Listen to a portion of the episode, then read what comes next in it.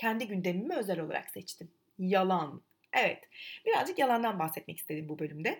Çünkü bir süre kadar önce bana birinin dev bir yalan attığını öğrendim. Yani şimdi oturup açıkçası ona üzülebilirdim de ama hani benlik bir durum yok ortada dedim. Yani yalan atılan insan benim, kurban benim. Denklemdeki en masum insan benim bir kere.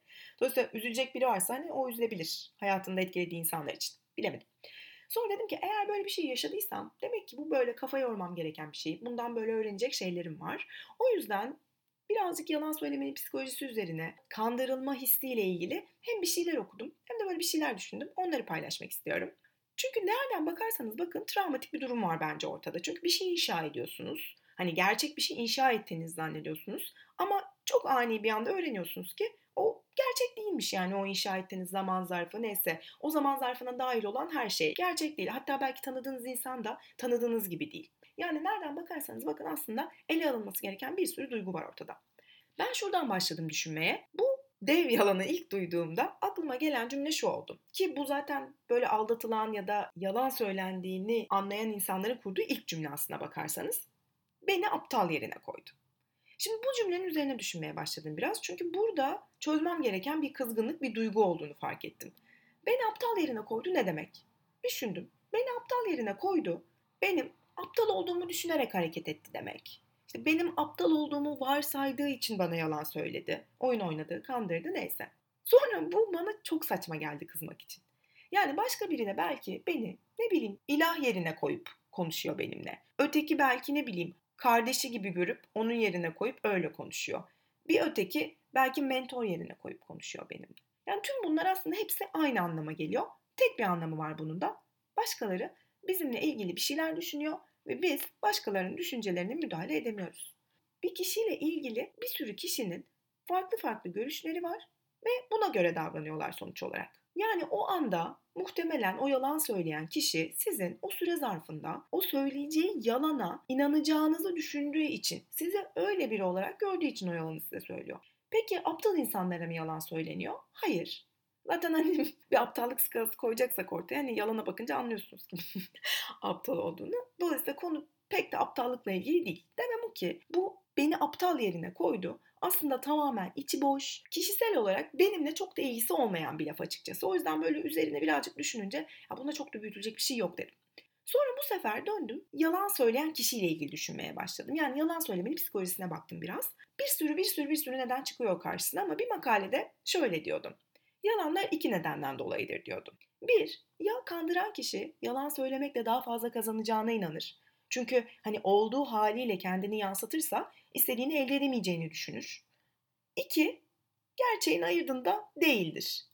Eğer mental bir rahatsızlığı yoksa işte gerçekleri işte ayırt etmekte vesaire sıkıntı çekmiyorsa yalan söyleyenin tek bir nedeni var o da daha fazla kazanmak. Bunu da birazcık düşündüm.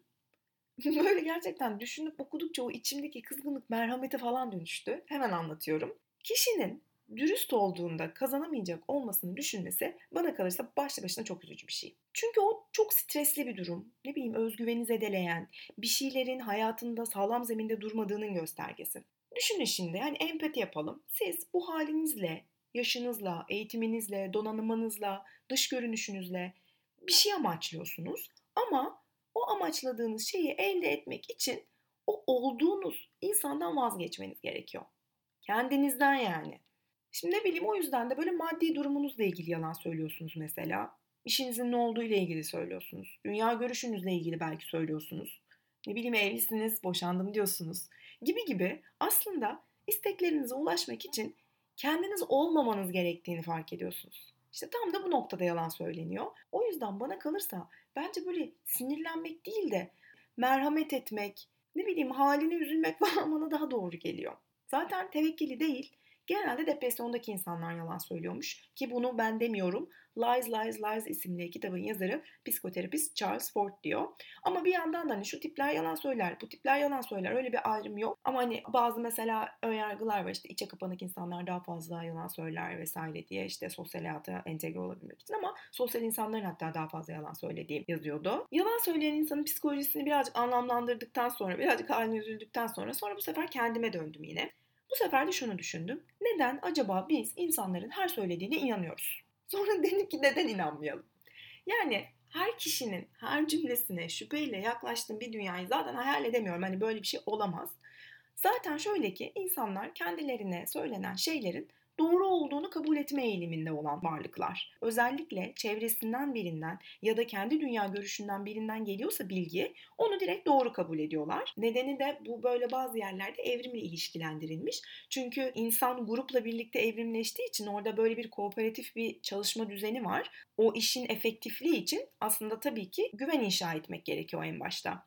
Dolayısıyla ben neden inanıyorum? Çünkü inanıyorum yani inanmam gerekiyor insan olarak. Herkes bunu yapıyor. Yine benlik bir durum yok. Yalanla ilgili şöyle internetlerde bir araştırmaya çıktığınızda hani yalan söyleyeni öyle tespit edebilirsiniz, böyle anlarsınız vesaire gibi şeyler çıkar karşınıza. Ama yok, baktım, araştırdım. Gerçekten yalan söyleyeni tespit etmeye dair kanıtlanmış bilimsel bir yöntem henüz yok. Ama çeşitli yöntemler var. Bunlar genelde yorumlama üzerine kurulu. O yüzden hani şöyle tespit edebilirsiniz gibi bir yöntem olmadığı için de yalan söyleyen insanı tespit edememe kadar doğal hiçbir şey olamaz.